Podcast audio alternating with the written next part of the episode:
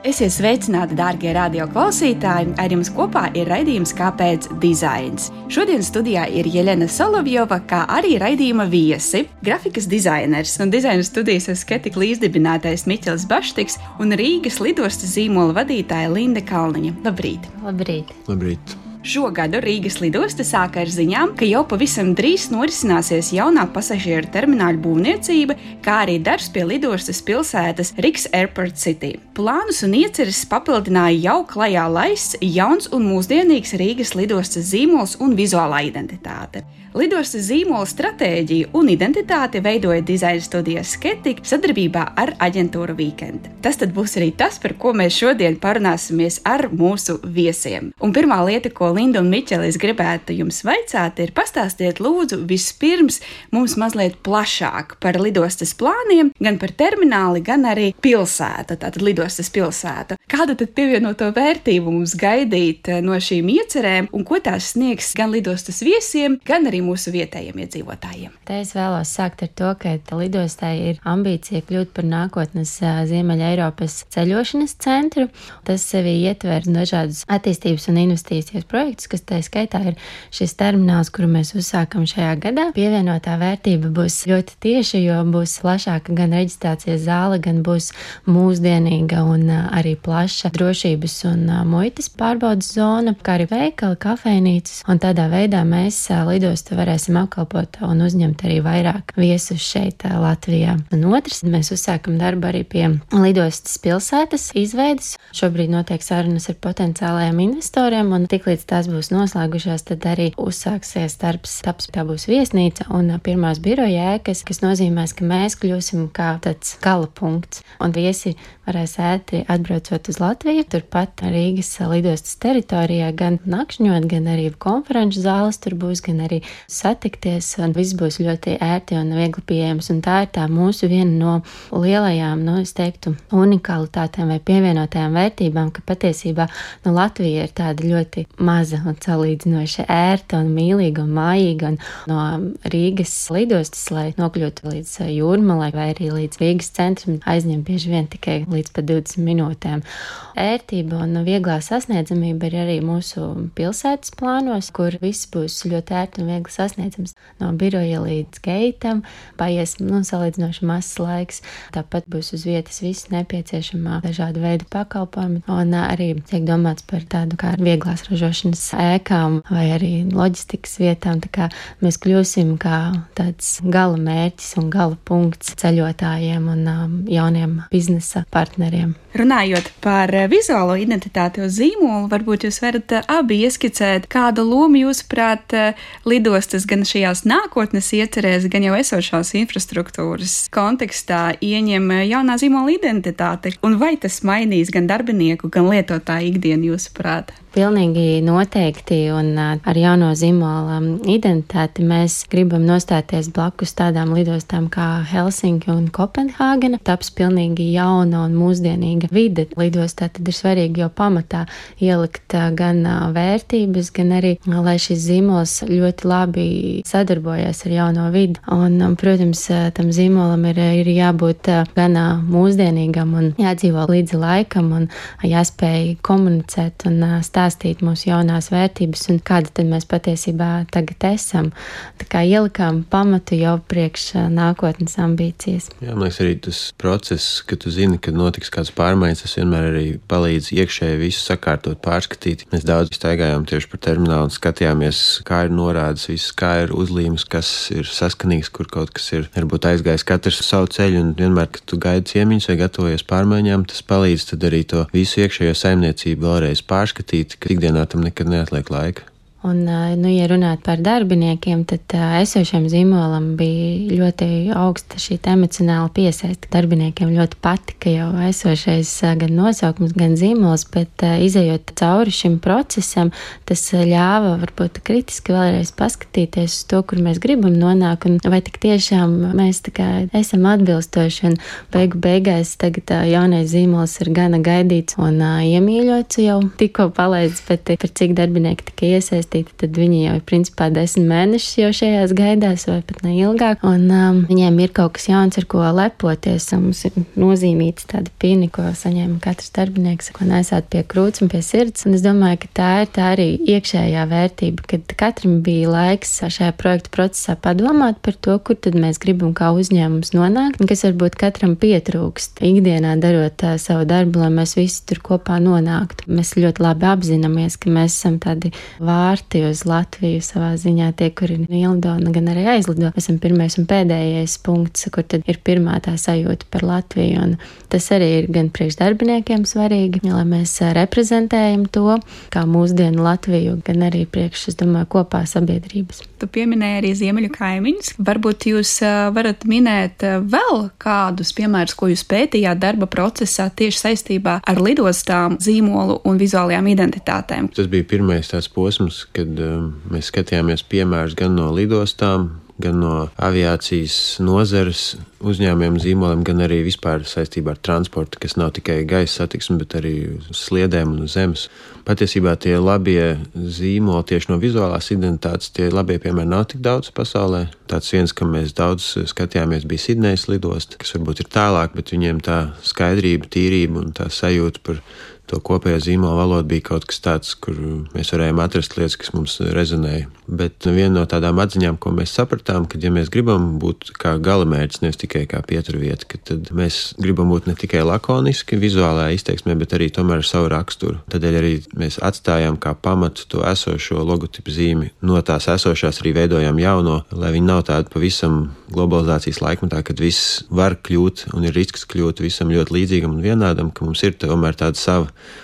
rakstura iezīme un raksturs, kuru tu atpazīsti un kur tu arī vari identificēt ar konkrēto pilsētu vai lidostu.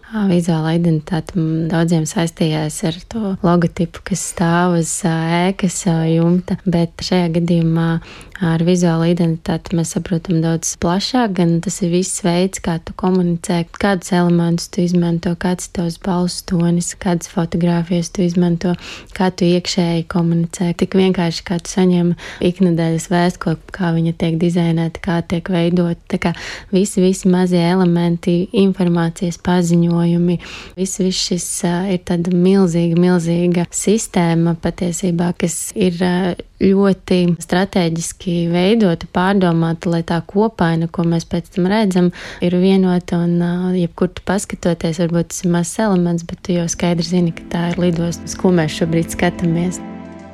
Kāpēc dizains? Jūs jau mazliet ieskicējāt gan par darbinieku iesaisti, gan par savu raksturu meklēšanu, bet pastāstiet vairāk par procesu. Jā, process mums iesākās pagājušā gada aprīlī, un uh, mums bija pilnīgi skaidrs, ka uh, darbinieki ļoti mīlēja esošo zīmolu, esošās krāsas un atnākot strādāt Rīgas lidostā ar šo galveno, nu, pagaidām misiju, bija tieši zīmola projekts, tad pēc kaut kāda mēneša saprotu, ka katrā sapulcē, gan gaitenī, gan virtuvē man te jau katrs darbinieks saka, lūdzu, tikai ne Rīgas, neestiec lūdzu Rīgas, vai zilā jau obligāti ir jābūt, tā ir mums mīļa, un tas mums bija tāds labs signāls, kad jāiesaistā un jāiet ir kopā ar darbiniekiem cauri šim procesam, un ne tikai darbiniekiem, mēs iesaistījām arī partnerus, arī pilsētu, arī dažādus nozares ekspertus, jautājām viņu viedoklī, intervējām, ļāvām piedalīties dažādos testos, testējām. Un darbiniekos ir izaicinošais tas, ka mums viņu nav desmit, mums ir 1500. Un kā to visu panākt, tad mums bija gan darba grupas, gan intervijas, gan vienkāršoti testi tad tik vienkārši kā B izvēlēs šis vai šis tev labāk patīk forma šī vai tā, un kura labāk reprezentē mūsu jauno zīmolu. Nu, darbinieki tika iesaistīti dažādos līmeņos, un tas deva mums arī tādu iespēju vēlreiz stāstīt par zīmolu, kas tad ir zīmols. Es pat biju pārsteigts, cik paredzām mēs varējām iet uz priekšu, jo mēs sadalījām tādos mazos posmos, nevis zin, trīs mēnešus, katrs kaut kur ierokās savā alā, bet tas bija tāds kopdarbs no nedēļas uz nedaļu.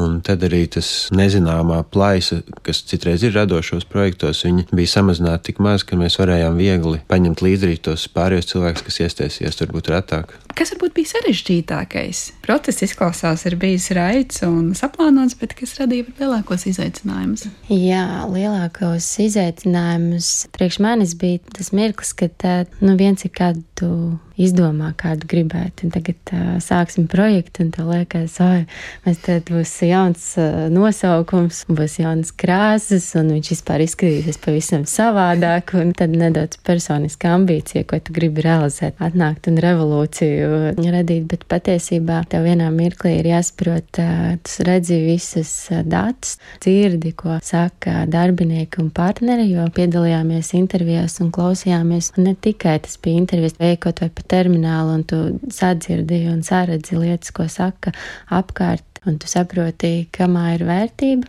Un tad tas lēmums arī mums bija par evolūciju, nevis revolūciju. Un tad, jā, bet gribējās pavisam nu, savādāk, ka tas viss ir tapis no pašiem, pašiem pamatiem, kur šis logo jau dzīvo no, nu jau varētu teikt, gandrīz 50 gadus. Jā, nu vienmēr arī, kas jau klasiski ir ar vizuālās identitātes maiņu vai attīstību, ir, kad ieviešana vienmēr paprasa vairāk resursu, enerģiju un laiku nekā bija cerēts vai plānots. Lai arī tie bija desmit mēneši, kad likās, ka var visu sagatavot tāpat, būtu noderējuši vēl pāris mēnešus. Tad, kad viss ir gatavs, tad vēl sagatavot visus tos materiālus un visiem cilvēkiem, kas pēc tam tālāk to darīs. Jo tad brīdī, kad tas kļūst publisks, tu nodod rokās daudz dažādiem cilvēkiem. Un pēkšņi ļoti īsā laikā vajag ļoti daudz lietas risināt. Tas noteikti būtu vieglāk, ja to var darīt lēnāk un izvērstāk. Bet nu, man liekas, ka priekš tā laika, kas bija, ir ļoti veiksmīgi tas izdevās. Un vai nav tā, ka dizains šādu tipu identitātēm sāk dzīvot tieši tad, kad tas tiek nodots rokās, un tad, kad jūs redzat, kā tas strādā un vai tas strādā? Man jau šķiet, ka tam vismaz paies vēl gads, kamēr mēs sapratīsim un noslīpēsim to gala identitāti. Tad tie momenti, kur mēs šobrīd arī principā jau sākam slīpēt, vai tas līdz galam mums dara, varbūt tomēr kaut kas ir jāpamaina. Nu, nepieturēties. Tad tāds arī ir mūsu radītais zīmols. Tas jau ir tas mērķis, ka viņš spēj spēj visu laiku attīstīties un sekot līdz laikam un būt laicīgs arī pēc trīs gadiem un tikai atjaunojot materiālus, formas, saglabā visu, kas ir radīts, bet um, viņš ir pietiekami interesants gan darbiniekiem, kas ir ļoti svarīgi arī, gan arī sabiedrībai kopumā, ka mēs nekļūstam garlaicīgi gan priekš sevis, gan arī mūsu klientiem. Man prātā skan Dītra Rāmsa teiciens dizainere, kurš saka, ka jo mazāk dizaina, jo labāks dizains, un tad droši vien jāsaka paldies dizaineriem, kuri to spēj saredzēt. Miķel, es gribēju tev vaicāt par zīmolu identitāti un tieši par latvisko un par vietējo un par raksturu meklēšanu kontekstā arī ar sketiku darbiem, jo raugoties uz jūsu portfolio, jūs esat strādājuši pie vairākiem zīmoliem, kas ir saistīti tieši ar nacionālo identitāti, piemēram, Latvijas Olimpiskā komanda, bet tas pats Latvijas rādio, Latvijas Nacionālais teātris. Kā un vai strādājot pie šāda veida projektiem, nacionāla mēroga identitātēm. Katra zīmola individuālais stāsts satiekas ar kopīgo, kas tad varētu būt tas latviskais, un cik būtiski ir šie svaru kausi tavuprāt? Tas ir interesants jautājums, un, protams, katru reizi ar tādu mērogu projektiem strādājot, tā tēma paceļās, un tas ir kaut kādā kontekstā jārisina. Un vienmēr mēs esam centušies neļauties te varbūt pirmajai vilkmei to ļoti burtiski attēlot kas ir tās pirmās idejas, ko nozīmē nacionāls vai latvisks vai valstisks nozīmīgs, kad neiekristījās pirmajās klišajās un skatīties, kā to var darīt pieklusinātāk, netieši likt nojaust, bet nevis tā uzreiz rāmur pa galvu. Neobligāti ir jābūt izteikti grafiski, tās var būt krāsas, tā var būt estētika kā tāda, ka tā ir pietiekami lakoniska vai ka tā nav uzbāzīga. Nu, kad mēs skatāmies kaut vai mūsu karoks, viņš nav maksimāli koši sarkans, viņš tomēr ir pieklusināts sarkans. Tas arī kaut ko pasaka par mūsu identitāti, ka mēs neesam kliedzoši, mēs esam pieklusināti. Kā mēs to varam interpretēt, jebkurā identitātē vai citās formās, neobligāti ir jābūt ausaklīšiem un, un kaut kādiem uzturiem. Lai gan arī tam noteikti ir vieta, laikmetīgi. Es domāju, arī tas ir vēl neizpētīts lauks. Nu, tur, es domāju, jūlija modernieku mantojums vēl nav pietiekami izcelts, kā viņi varētu izcelt. Ir, jā, vienmēr tajos projektos tā vēlme ir netiešā veidā komunicēt tās pamata vērtības, kas ir mūsuprāt Latvijai un latviskai tādai estētikai, nevis tieši un burtiski. Tu vari ceļot no lidostas uz lidostu, un tur ir bieži vien vien tie paši veikali, vien tie paši zīmoli lidostās. Un tad ir tas risks, ka tu vairs lidojot no lidostas, lidostas, tu vairs nejūti, kur tu esi, vēl tu esi kaut kāds transfers pa vidu tad domājot par Rīgas lidostu, mēs gribējām, lai tas raksturs paliek. Un tomēr tās asās šķeltās formas, tās trīs stūra norāžu formas, viņas ir pietiekami nērtas, ja tā var teikt, grafiski. Bet tas nērtums rada to, ka viņš nav nogludināts un visiem izpatīk, bet viņš ir savu raksturu, savu nostāju, un viņš tev liek sevi pamanīt, un tu viņu atceries, un tas veido to mūsu tēlu kas gan jaunās Rīgas lidostas zīmola saistībā, gan kopumā, jūsuprāt, veido veiksmīgu zīmola identitāti? Kas ir tie kritēriji, kas ļauj nojaust, ka šis zīmols būs ilgspējīgs un labs? Sāksim ar to, ka, manuprāt, ļoti svarīga ir stratēģija, pamats, uz kā tu būvē to visu identitāti. Jo tev vienmēr ir jābūt kaut kam pamatam, pie kā atgriezties arī tajos momentos, kad varbūt gribās paeksperimentēt un kaut ko jaunu, un tam arī ir vieta un iespēja. Bet vienmēr ir svarīgi, ka tev ir pamats zem kājām, un šajā gadā zīmolam tā ir stratēģija, kas ir pamatā. Tas ir viens, otrs, par ko jau mēs pieskārāmies, ir, kad pasaulē, kur, manuprāt, ļoti daudz zīmolu zīmoli kļūst nedaudz vienādi un līdzīgi, ir svarīgi, lai ir tev šis raksturs un savu odziņu un unikalitāte, un to mēs centāmies ielikt šajos riks burtos, kas ir ņemti pamatā no jau esošā logotipa, un arī visas šīs te bultas, ko jūs redzēsiet noteikti vizuāla identitāte, tas arī izriet no tā paša logotipa. Tā kā tā ir tā mūsu odziņa, plus vēl arī Latvijas krāsas, jo skaidrs, ka tā, nolaižoties Rīgas lidostā, pirmais, ko redz, ka tā ir tāda purva un uh, meža ieskauta, un, un turpat ir jūra un liedaks. Un tas bija pilnīgi mums skaidrs, ka tās krāsas ir mums jāizmanto, un mūsu šobrīd viņas ir nepietiekami izmantotas. Un noteikti arī kaut kāda konsekvence, kur tomēr atļaujies, esi drosmīgs, seko līdzi laikam, lai šis zīmols būtu tāds, ko tu vari uz jaunākajām iespējām, tehnoloģijām izmantot, un viņš tur labi iegultos, bet te pašā laikā konsekventi viņu turpini lietot, un tās detaļas vai galvenās detaļas noteikti nepazūd no tās valodas arī pēc pieciem gadiem. Ko tad nozīmē Riks burti?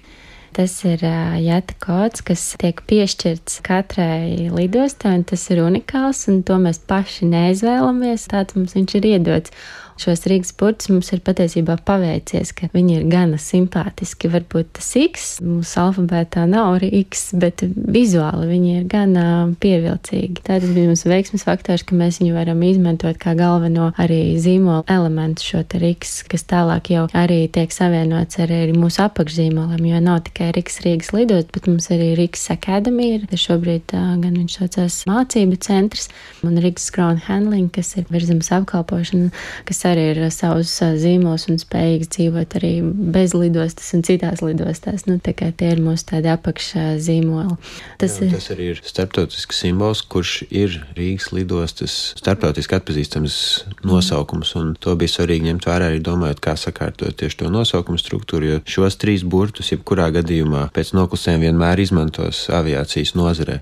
Tad arī strateģiski mēs sapratām, ir svarīgi viņus jau uzreiz iekļaut un izmantot to kā priekšrocību, nevis, ka viņi kā tāds papildus vilciens vienmēr velkās līdzi un nezinu, kur viņi likt. Cits liek iekavās, cits ir svītras, cits priekšā. Bet mēs jau paredzam priekšlaicīgi, kad viņš būs, un mēs viņu izmantojam savā labā. Tur tas X, tāds simbols, kas vienmēr nozīmēs, ir kartēs gala mērķis. Pat no bērnības mēs zinām, kur meklēt dārgumus vai gribēju nokļūt, tad vienmēr tas X iezīmē kaut kādu gala mērķi, kas arī tomēr tādos pārlaicīgos simbolos ir ar ceļošanu, ar virzību saistīts simbols, tāpat kā tā būtnes, kas ir tajā identitātē iekļauts. Mēs cenšamies pamanīt to, kas jau tur ir, un no tā to labāko izcelt ārā. Un aviācijas nozare vispār runā pārsvarā kodos. Neviens nesaka, droši vien Rīgas lidosta. Visiem Rīgas ir skaidrs, ka tā ir Rīgas lidosta. Un mums iekšēji arī šis Rīgas ir ļoti liela vērtība, jo darbinieki viņi tikai sauc, nu, vai nu Rīgas, vai nu mīļvārdiņā ir Riksītis.